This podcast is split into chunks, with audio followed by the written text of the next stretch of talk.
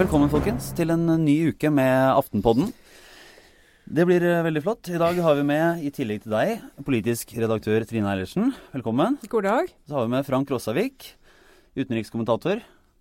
Velkommen. Ja, hei, hei. Ja, Du fyller eh, skoene til eh, Sara Sørheim i dag. det skal gå på et vis. Det ser vi veldig fram til. Jeg er Lars Klomnes. Dette er rett og slett en sånn uke der det er en overflod av ting å snakke om. Når man driver et lite, lite foretak som det vi, eh, vi gjør. Ikke minst eh, takket være Fremskrittspartiet. De ruller på før landsmøtehelgen sin og leverer den ene mulige saken eh, etter den andre. Ja, De driver en helt egen, eh, egen form for oppkjøring til landsmøtet. Der andre partier eh, slipper noen politiske nyheter og eh, prøver å få i gang debatt om partiets politikk, så, så kjører Fremskrittspartiet på eh, mer eller mindre bevisst eh, helt andre type saker. Eh, Non stop, eh, rett og slett. De, de har jo levd på en måte av å ha negativ eh, medieoppmerksomhet. Eh, og på den måten mobilisere stor lojalitet blant sine støttespillere, som de jo har en usvikelig lojalitet fra uansett hva som skjer. Eh, og nå ser de ut til å gjenta suksessen. Vi har funnet en oppskrift. Vi kommer til øh, å snakke om, øh, om Sylvi Listhaug. øh, både som, som middelhavsbader og mulig, mulig ny partileder. Eh, Anders Anundsen har vært i vinden med et brev til Kjersti Løken Stavrum der han ønsket et møte. Og Robert Eriksson har startet et konsulentselskap. Eh, og sånn går nå dagene. I tillegg til at Siv Jensen har, blir gjenvalgt i helgen på landsmøtet og vil ha sittet i ti år som partileder. Men en må jo starte med det som har vært ukas store snakkis, nemlig dette, dette badet til uh, Sylvi Listhaug. Reiste ned til Middelhavet, eh, ble med redningsskøyta ut og fikk, eh, i hvert fall sånn det ble oppfattet, kjenne litt på, på virkeligheten der nede. Det fikk eh, Twitter og andre steder til å koke, og, eh, og det er, men det er delte meninger. Men Frank, har, dette, dette, er, eh, dette har du eh, vært opptatt av, eller har fanget din oppmerksomhet. Ja, altså Klappjaktmentaliteten på Twitter kan jo gå over stag noen ganger. Men eh, nå har jo Sylvi Listhaug en ganske provoserende stil, og jeg er litt usikker på om dette var bevisst eller ubevisst, eller om det var en dårlig idé for en av medierådgiverne. Men det har iallfall kommet svært dårlig ut. Eh, at hun uh, duppa i noen minutter i Middelhavet i en våtdrakt, og eh, da tilsynelatende ga inntrykk av at dette var en måte å leve seg inn i flyktningsituasjonen på. Um, det, det er noe spesielt, uh, selv om man, uh, selv om man uh, kanskje kan tenke at det lå en, en, eller annen mer fornuftig tanke bak et sted. Jeg tror jo, eh, Er det noe man eh, i hvert fall ser, så er det at en del sånne kommunikasjonsrådgivere elsker å, å kaste politikere i vannet. Mm. Eh, De ser det som en sånn bildemulighet. Og, og, og det har vært pusha flere ganger at eh, ja, nå skal vi ut med redningsskøyta, og så skal vi kaste Erna ut i vannet. Så blir det fine bilder og en sånn gladreportasje. Men det, det er mulig at det her ikke var helt sted og, og tid for, for akkurat den tilnærmingen. Nei, altså, VG hadde jo en, eh, en oppfølger i dag på denne saken som eh, har fått enorme dimensjoner. og Det har jo både med bakteppet for eh, saken å gjøre, selvfølgelig, og at det har nettopp med Sylvi Listhaug å gjøre. Eh, som jo blir tolket i aller verste mening, så sant det er rom for det. Så blir hun det.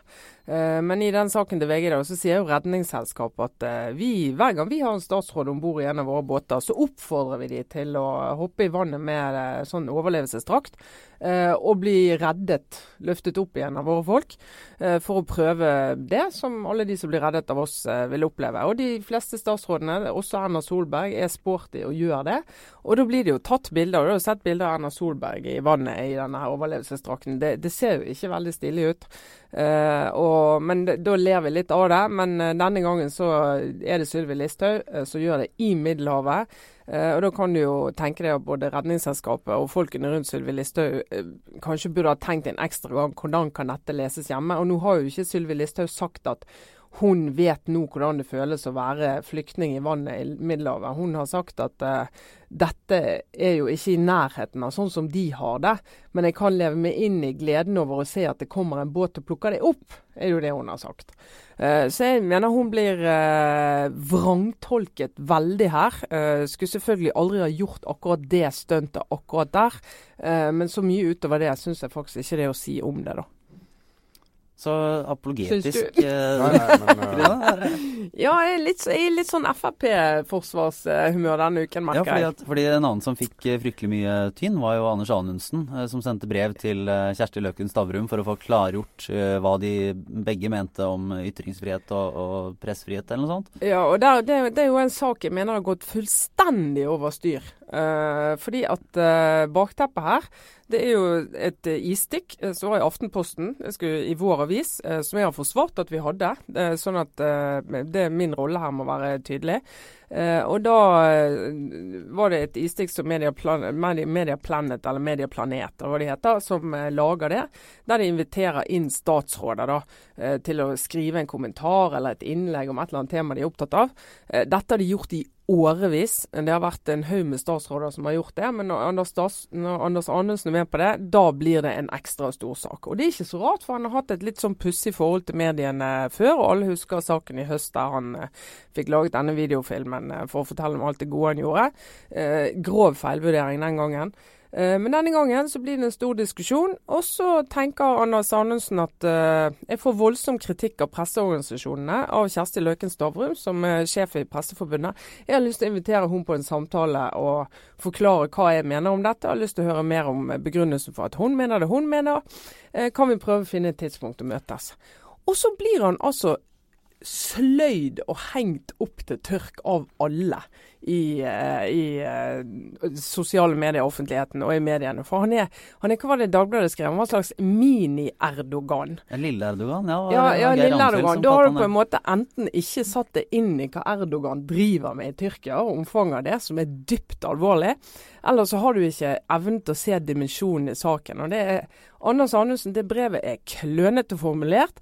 Du merker at det er en undertone av at han er indignert og litt sånn støtt. Men altså å spørre en presseperson om vi kan ha en samtale eh, og snakke litt om eh, hvorfor du mener det og jeg mener det, det må nå være innenfor. Jeg fatter som- ikke at det er noe galt med det. Men det som er interessant med Fremskrittspartiet i regjering, er jo hvilken enorm polarisering det har ført til. Det er jo en så stor del av eh, offentligheten som simpelthen hater tanken på at Frp er i regjering, og er klare til å tolke absolutt alt i verste mening. Samtidig som Frp-politikerne ikke alltid gjør alt de kan for å unngå, en, unngå å bli tolka i verste mening, for å si det forsiktig. Eh, og, og at de noen ganger synes å, å, å elske å piske opp en mediestorm mot seg fordi at de har en erfaring for at dette mobiliserer og galvaniserer sine egne eh, kjernetropper. Så vi har jo en situasjon i Norge av en polarisering som vi ikke hadde engang i den rød-grønne regjeringens tid, og slett ikke før den tid. Eh, det, det går ganske hett for seg, og litt for hett noen ganger. Men tror du det er veldig fint at eh, Anders Anundsen for, for deg som sin hvite ridder kommer inn og forsvarer, eh, forsvarer ham, Trine? Jeg er helt sikker på at han setter veldig stor pris på. Men men medfører det noen skade for, for Fremskrittspartiet, eller er det en, liksom en styrke gå inn i et landsmøte med litt sånn kontroverser? Er det, har det noen betydning, eller er det bare en sånn mediemoro? Mye av det som hadde handla om, om Sylvi Listhaug, ble jo en sånn vitsekonkurranse. Og, eh, Ja. Ja, det, ja, det ble jo en vitsekonkurranse, og konkurranse, og mange av de vitsene var ganske morsomme, faktisk. Men eh, altså, Frp i landsmøtet, litt som Frank sier, at Frp blir jo sterkere av mye motstand. Og jo mer urimelig den motstanden er, og jo mer sånne som oss, altså vi i mediene, er en del av den motstanden, så kan de stå og si eh, vi blir misforstått, de hører ikke på oss. Eh, vår politikk og vår regjering viser at vi har rett. En dag så vil alle skjønne det. Men foreløpig så blir vi motarbeidet fra alle kanter, og vi må bare stå sammen. Ja, men vi skal ikke gå for langt i motsatt retning her heller. Altså Både Anders Anundsen og Sylvi Listhaug har sagt og gjort ting som det har vært all grunn til å reagere mot. Eh, Så Absolutt. det er ikke, det er ikke vi, vi skal ikke bare forsvare dette Fremskrittspartiet i dag. Nei, det, nei vi, skal ikke, vi skal huske at vi har, vi har kritisert det så ofte vi kunne før. Men når det er mulighet for å trekke inn andre nyanser, så må vi gjøre det jo, Frank. OK, OK. Nyanser, du. Er jo nyansenes uh, varme forsvarer. Ja, ja, nei, det er godt. Uh, men kanskje den, uh, den saken som av, av disse Frp eks- og nåværende statsrådene som har utmerket seg denne uken, så er denne Robert Eriksson-historien kanskje min lille favoritt. da, Der han på tampen av sin etterlønnsperiode etter å ha vært, eh, gått av som arbeidsminister før jul, eh, gikk hen og opprettet et lite konsulentselskap, eh, og måtte deretter sende en, en, en varsling til denne karantenekomiteen om at han nå skulle drive med akkurat rådgi på akkurat de områdene han hadde jobba med. Og da, Dermed fikk han en, en, karantene tilbake og lønn i tre nye måneder. Mm. Hvis jeg har forstått denne saken riktig, så ville alternativet hans nå være å gå eh, på, eh, til Nav og få arbeidsløshetstrygd. Altså, nå måtte han en, enten få en jobb i næringslivet eller starte et eget selskap og egen virksomhet. Og Så starta han da dette selskapet som for, eh, for uh, godt måls skyld kalles for Løkka i livet AS. Uh, og utløse uh, ny karantene, altså en karantenevurdering og ekstra etterlønn. Og Så sier han at det var ikke meningen, og det visste han ikke skulle skje. Og det kan man jo tro han på. Men det ser jo litt pussig ut, særlig fordi at Fremskrittspartiet ved en tidlig anledning da det gjaldt en Arbeiderpartipolitiker, hissa seg veldig opp over akkurat denne mekanismen i regelverket. Så litt eh, interessant er jo den, men du skal kanskje forsvare han her også? nei, nei, nei og nei. nei, jeg skal eh, Altså, her er jo Frp oppe i et sånn litt klassisk Frp-dilemma som Frp kommer unna med gang på gang hos sine egne velgere, eh, men så er utrolig viktig å påpeke. For det er en utrolig sånn populistisk måte å gå inn i en del sånn samfunnsspørsmål på. Da har du Per Sandberg som når Arbeiderpartiet, en hel røys med Arbeiderpartipolitikere, gjorde jo dette. Fordi at akkurat det med, å etablere det som Robert Eriksen har gjort nå, et sånn PR-rådgivningsfirma som skal rådgi akkurat på det feltet du nettopp har vært statsråd på, eh, da blir du automatisk ilagt karantene. Eh, egentlig seks måneder, men siden han har hatt tre måneder etterlønn fra før, så blir han kuttet med tre måneder. Så det er bare tre måneder nå. Eh, men tre måneder etterlønn eh, fordi at du velger akkurat det området. Og Per Sandberg hisset seg opp til de store høyder. og Det var ikke måte på regelverket skulle endres, så det ble jo endret også. Og nå sier jo Per Sandberg som den eneste som kritiserer litt, at det ser ikke ut som reglene virker helt. Uh, noe av det som er interessant, er at så få andre politikere kritiserer Robert Eriksson for dette. Og det har jo med å gjøre at de kjenner seg jo godt igjen i mannens situasjon. Og de ser jo det at plutselig er det de som er uten over natten. For sånn er det jo i politikken. Hvis, særlig hvis du er statsråd, så kan du miste jobben på timen over natten. Uh, og da har du noen ordninger for de som er litt mer lukrative enn de er for andre. Og Hvis man skulle bringe noen nyanser inn her, så måtte det handle om akkurat det. Mm. Eh, det å være statsråd og plutselig miste jobben, eh, det, det, gir deg ikke nødvendigvis noen enkel situasjon på arbeidsmarkedet. Og etterlønnssystemet er ikke spesielt eh, raust. Så det er jo mulig å forstå at statsråder gjør det de kan for å, for å mildne overgangen etterpå. Ja, altså Hvis du tenker en vanlig arbeidstaker som kanskje har tre måneders oppsigelsestid, altså, og hvis du har tre måneder etterlønn som statsråd, så er det ikke noe urimelig i det. Det er altså et, arbeids, et ansattevern da, som er på et nivå som jeg tror er helt uh, rimelig. Men jeg tror det som mange reagerer på, er jo at han, når disse statsrådene etablerer et selskap som har en innretning som de vet automatisk utløser eh, karantene og lønn knyttet til det, så virker det som om de tilpasser seg reglene. Og da får du en litt sånn Det er jo nok eh, av mennesker som oppfatter enhver sånn eh, sikkerhetsnett i velferdsstaten vår som er mer som en rettighet enn som en sikkerhetsnett. Og, og, og det er akkurat der eh, Eriksson er litt vanskelig å tro, når han sier at han ikke ante at eh, det som skjedde der, ville, ville utløse en karantene. Mm. Men det er jo ikke alltid Det er jo eh, Av og til så er det jo lettere å bli statsråd enn å få seg en eh, ordentlig jobb. Det er jo ikke bare, bare å, å, gå ut og finne et eh, et ærlig stykke arbeid heller. Det er jo flere som merker det. At den erfaringa man har i, i, regjering er veldig spesifikk. At den mm. ikke, ikke, er så lett å overføre til den veldig mange andre bransjer.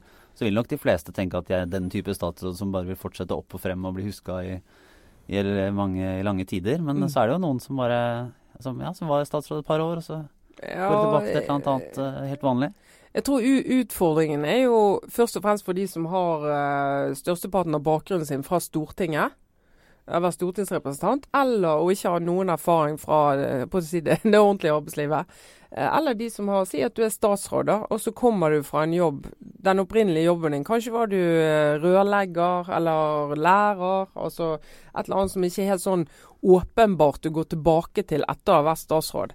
Uh, og Vi har jo sett flere politikere som egentlig har hatt et yrke før, men når de har vært på Stortinget lenge nok eller har vært statsråd, så er det nesten umulig for de å få jobb før det har gått ganske langt. Og det, og det å sitte på Stortinget er jo ikke nødvendigvis noe, noe godt sted å markedsføre seg selv som arbeidskraft heller. Det er jo um, svært mange politikere som sitter 12, både 12 og 16 år på Stortinget uten at noen legger merke til at de er der i det hele tatt. Mm. Og så plutselig dukker de opp i en alder av 62 på arbeidsmarkedet og skal prøve å få jobb.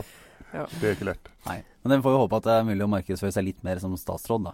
Jeg kan for øvrig si, siden vi i eh, denne utgaven også uh, livesendes på Facebook, så hvis det kommer noen interessante nok spørsmål, så skal vi vurdere ja, De må være interessante, ja. sier det. Trine legger lista veldig veldig høyt på hva som er verdt å ta av uh, folkelige innspill. Ja, og ikke sånn store 'kan dere forklare og greie ut om', for da bruker vi 20 minutter. Det, det har ikke vi tid til. Nei, nei. Men vi skal vel kanskje videre til, til ukens uh, jubilant. Uh, Siv Jensen blir uh, gjenvalgt på landsmøtet i, i helgen som partileder i Fremskrittspartiet. Det er det verdt å, å stoppe litt opp og, og grunne over. Du ler, Frank. Det, skal vi sende sånn et slags uh, telegram til, uh, til partiets landsmøte og, gratulere med, med gjenvalget. Uh, og så gå og se litt på hva, hva status er. Det bør, det bør politisk redaktør gjøre i, i, kraft av sitt høye embete. ja. ja, vi sender det. Men, men det, altså, Siv Jensen har vært partileder i tid. Jeg, jeg litt, ble litt sånn støkk i meg da jeg hørte det. For hun er jo den partilederen nå som har sittet lengst. Eh, av de eh, partilederne vi har. Men uh, pga. Altså Carl I. Hagen eide jo dette partiet i mange år.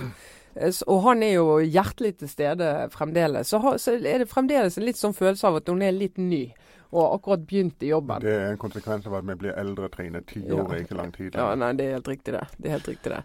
Men hun har jo Hun kom jo inn og Carl I. Hagen og Frp var på topp, egentlig. Ja, altså Hun har gjort en kjempejobb eh, objektivt sett. Hun har, hun har, tatt over etter eh, Carl I. Hagen som ga seg på topp. Frp var store da han slutta. Eh, han, hun har klart å videreføre det. Hun har klart å gjøre, eh, å gjøre, partiet regjeringsklart. Og hun har også klart å få partiet til å fungere eh, ganske bra i regjering. Eh, etter noen vanskelige år til å begynne med, så har jo Frp gjort det mye bedre på meningsmålingene nå etter hvert. mest pga. flyktningkrisen. Eh, så eh, det er all grunn til å tro at hun vil bli hylla av landsmøtet som en, eh, som en vellykka partileder og, og, og, og gjenvalgt. Um, men det som er litt interessant nå, syns jeg, da, det er jo at uh, de siste året så har Siv Jensen etter mitt syn forsvunnet litt fra, fra mediebildet. Og Sylvi Listhaug særlig framstår som den synlige, den synlige statsråden. Og, hun ble jo nå uh, attpåtil kåra av, eller utpekt av Carl I. Hagen som den neste lederen av Frp. Og det er ikke jeg så sikker på om Siv Jensen er så glad for. Mm. Men hvis man tar på, på Siv Jensen, hva er, det, hva er det, på en måte som har gjort at hun har uh, hva er det som har gjort at hun har fått det til? Og, og i og for seg, hva er det som har gjort at hun ikke, som løftet var lenge, skulle ha blitt statsminister uh, Siv Jensen? Ja, statsminister Altså, lederen i et fløyparti kan jo nesten ikke bli statsminister. Eh, det skal jo mye til. Altså Statsministeren Et fløyparti må alltid samarbeide med andre partier. Og da vil tyngdepunktet, selv om fløypartiet En periode var jo Frp større enn Høyre. Eh, og da var det helt utenkelig for Høyre å gå inn i et samarbeid med Frp og gi statsministeren til Siv Jensen. Det hadde vært helt dødens dal for Høyre. Det var jo det, var jo det som var snakka om som virkeligheten. ja, de... men det var jo ikke virkelig. Det var jo ikke reelt. Men vi diskuterte det fordi at Frp var større enn Høyre. Men uh, altså en realisme i at Siv Jensen skulle bli statsminister, det er i hvert fall aldri følt på realismen i det. Eh, når det er sagt, så har hun eh, gjort Frp til et eh, regjeringsparti, og det tror jeg, eh, og et regjeringsparti som virker. Og, og det har en del med hennes eh, egenskaper å gjøre. Hun er jo veldig tøff utad og virker ofte veldig sånn kompromissløs utad. Litt kantete.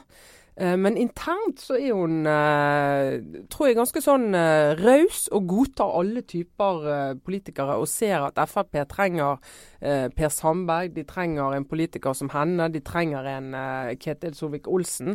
Altså vidt forskjellige politikere som treffer litt forskjellige velgere.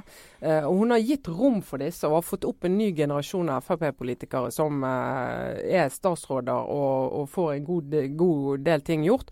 En av de vi snakker om, er, minst er er jo, om er jo nettopp Ketil Solvik-Olsen som får gjort uh, mye som samferdselsminister. Virkelig får markert seg. Men det du sier nå, var jo, det er jo uh, i, dårlig, si, i, tider der valgene var uh, dårligere, så var det jo som et tegn på at hun egentlig ikke hadde så veldig god kontroll på partiet sitt.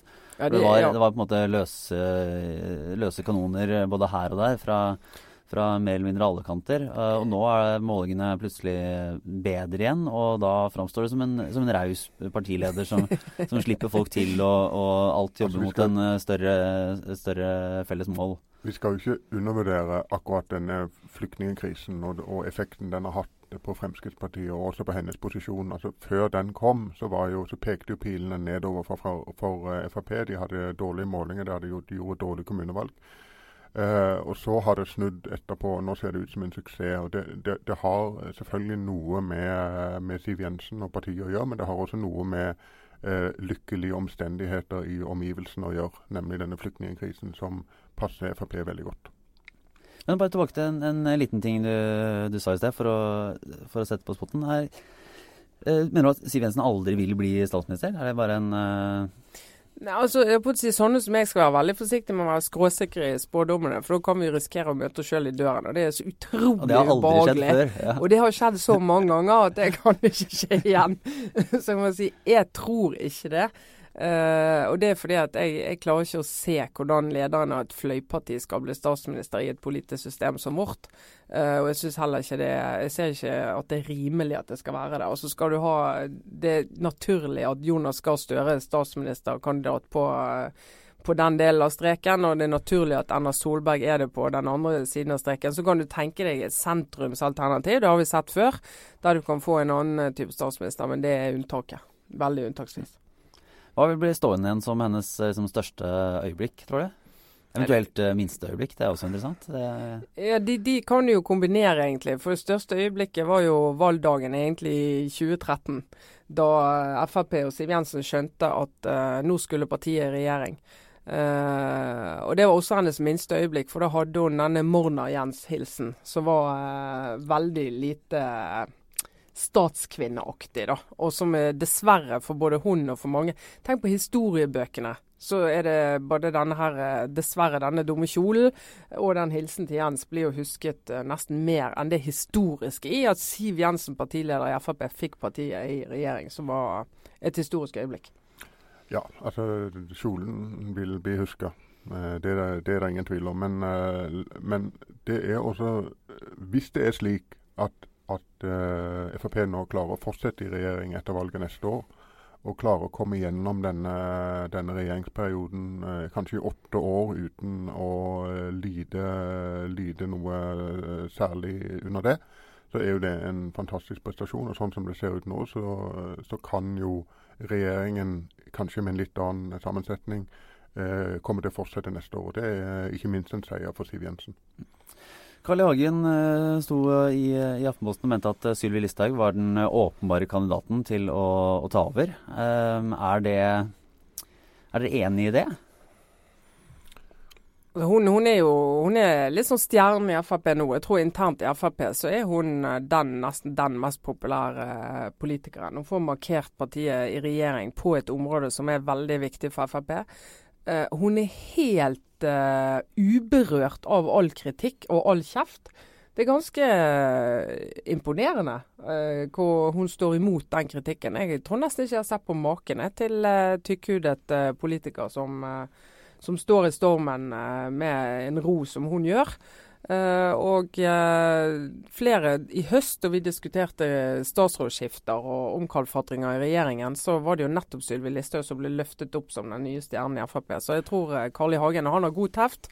Han ser nok noe her som flere ser. Men jeg ser vel det er jo også litt hva skal jeg si, En skal ikke, skal ikke skyve under stol at godeste Ketil Solvik-Olsen er en veldig populær mann. Men jeg mistenker at han ikke er Carl I. Hagens favoritt.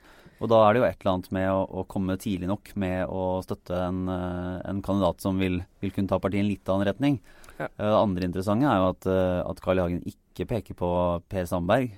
For eksempel, at, at det kan jo da se ut som om Sandbergs ja. uh, tid er, er, over. Og hvis Altså for all del være en viktig nestleder, men at han ikke lenger har ambisjoner om å, om å gå helt til topps. Uh, og Hvis det hele den fløyen skulle stille seg bak uh, Sylvi Listhaug, så begynner det å bli en ganske betydelig maktfaktor. Mm, mm. Jeg, jeg, tror også at Sylvi Listhaug ligger veldig godt an nå hvis hun skulle ønske å bli partileder. Men hun er jo ikke så spesiell i Frp som man kanskje kan tro. Altså Alle disse Frp-ene er, er, jo ganske harde i klypa og liker å stå i stormen og evner å stå i stormen. Siv Jensen, Kjetil Solvik-Olsen, Per Sandberg.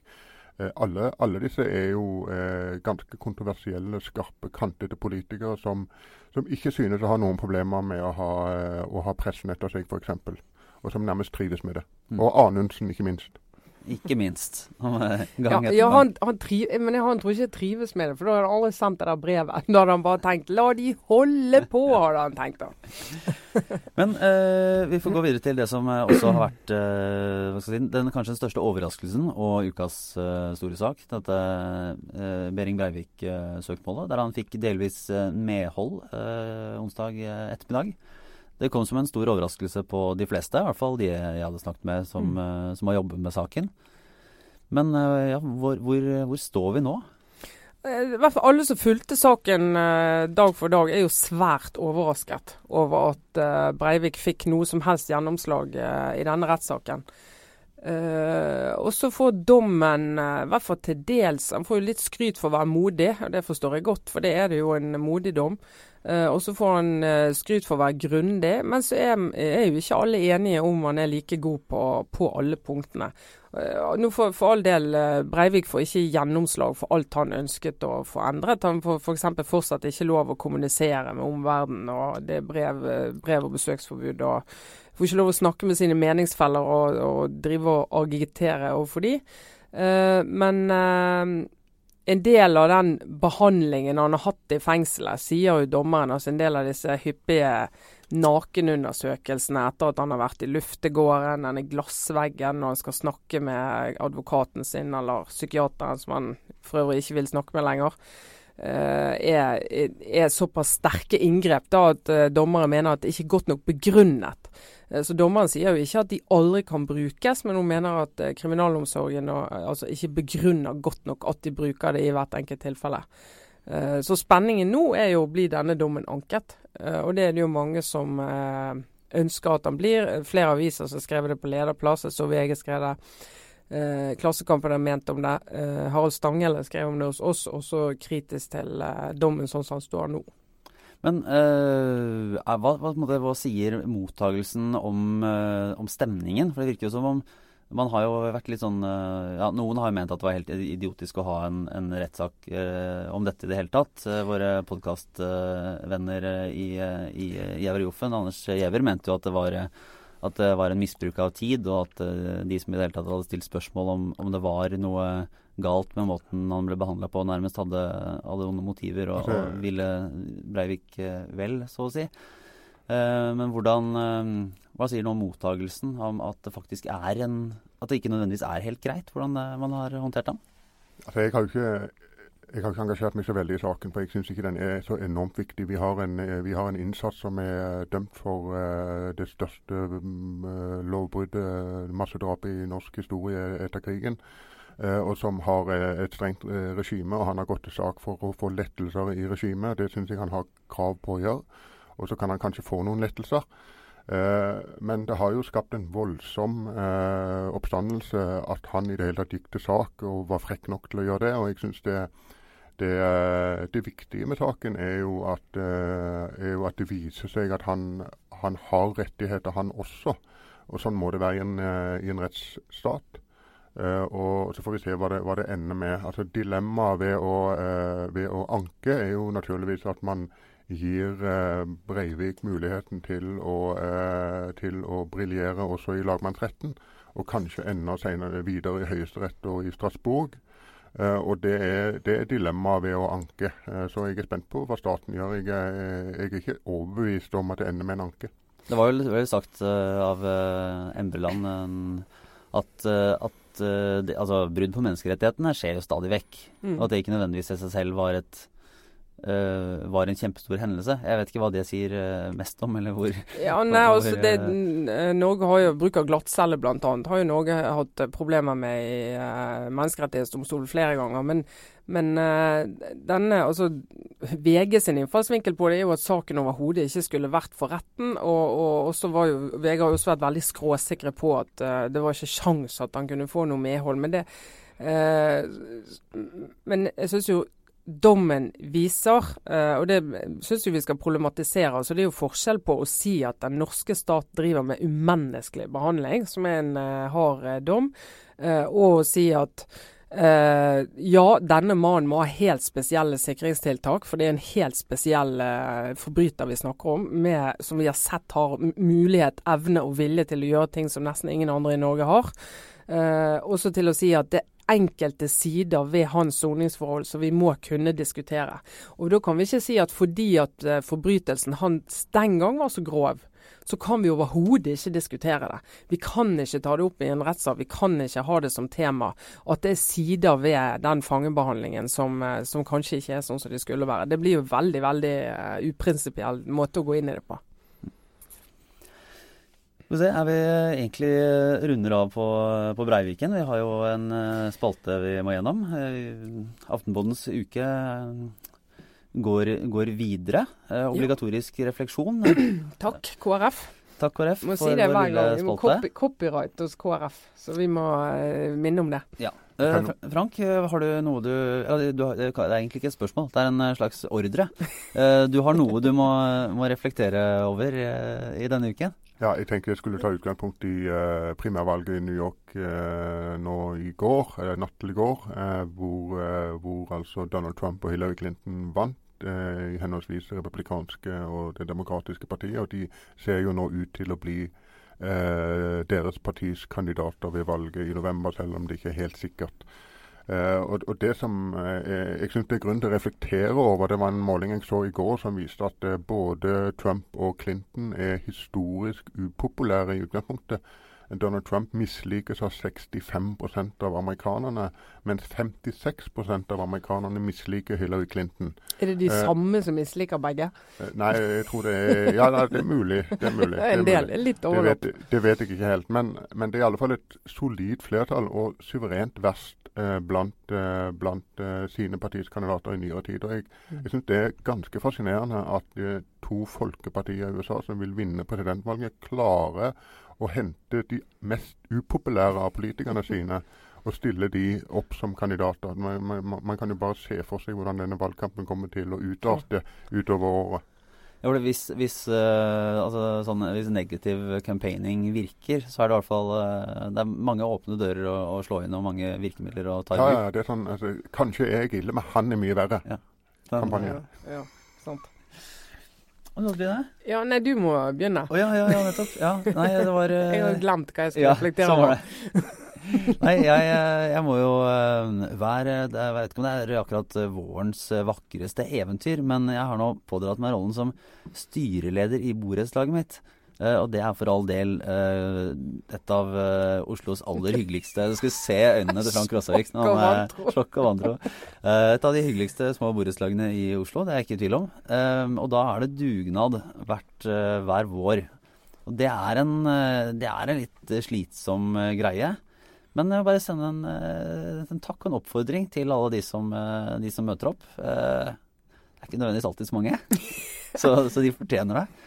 Uh, og uh, jeg ler mye av uh, norske dugnaden, men uh, jammen så velkomment det er når, når, man sitter og har ansvar for å arrangere den greia. Ja, det er jeg er FAU-representant i barnehagen og skal arrangere dugnad i mai, så jeg håper alle møter opp med rake og rive. Jeg ser at dette bringer begeistring inn i deg, eh, Frank. Ja, altså Jeg kjøpte nettopp leiligheten i et, uh, i et sameie på Torshov der de hadde en egen uh, ordning på dette med dugnad som vi ikke har sett før. Nemlig at de trekker hver måned så trekker de 60 kroner uh, i husleie fra alle, alle liksom, sameierne. og dette beløpet tilbakebetales dersom man stiller opp i dugnaden. Og hvis ikke, så går det inn i fellesskapet, Det syns jeg var en veldig sånn uh, god uh, autoritær måte å gjøre det på. Ja, og vitner om mye dårlig erfaring. har jeg får vurdere, vurdere det grepet i, ja. i vår lille ja. sak. Nå Trine, har du kommet på hva du, ja, hva du vil snakke om? Nevnte ingenting for det før sending. sant? Jeg gjorde ikke det. Nei, og vet du, Det er rett og slett fordi jeg kommer ikke på noe i dag. Nei.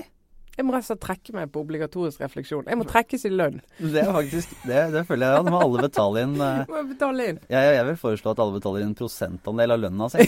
ja.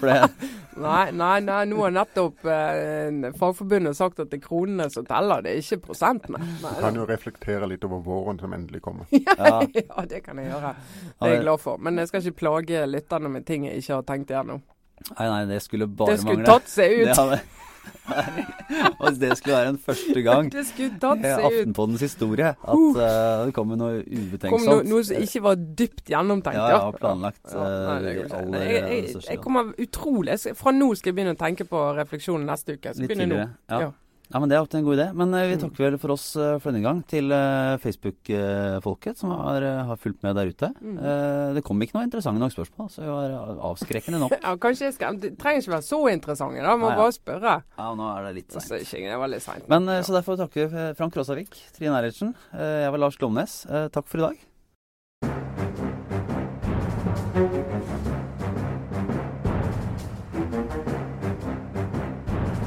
Da kan du ta og trykke på den knappen. På avslutt. Så der.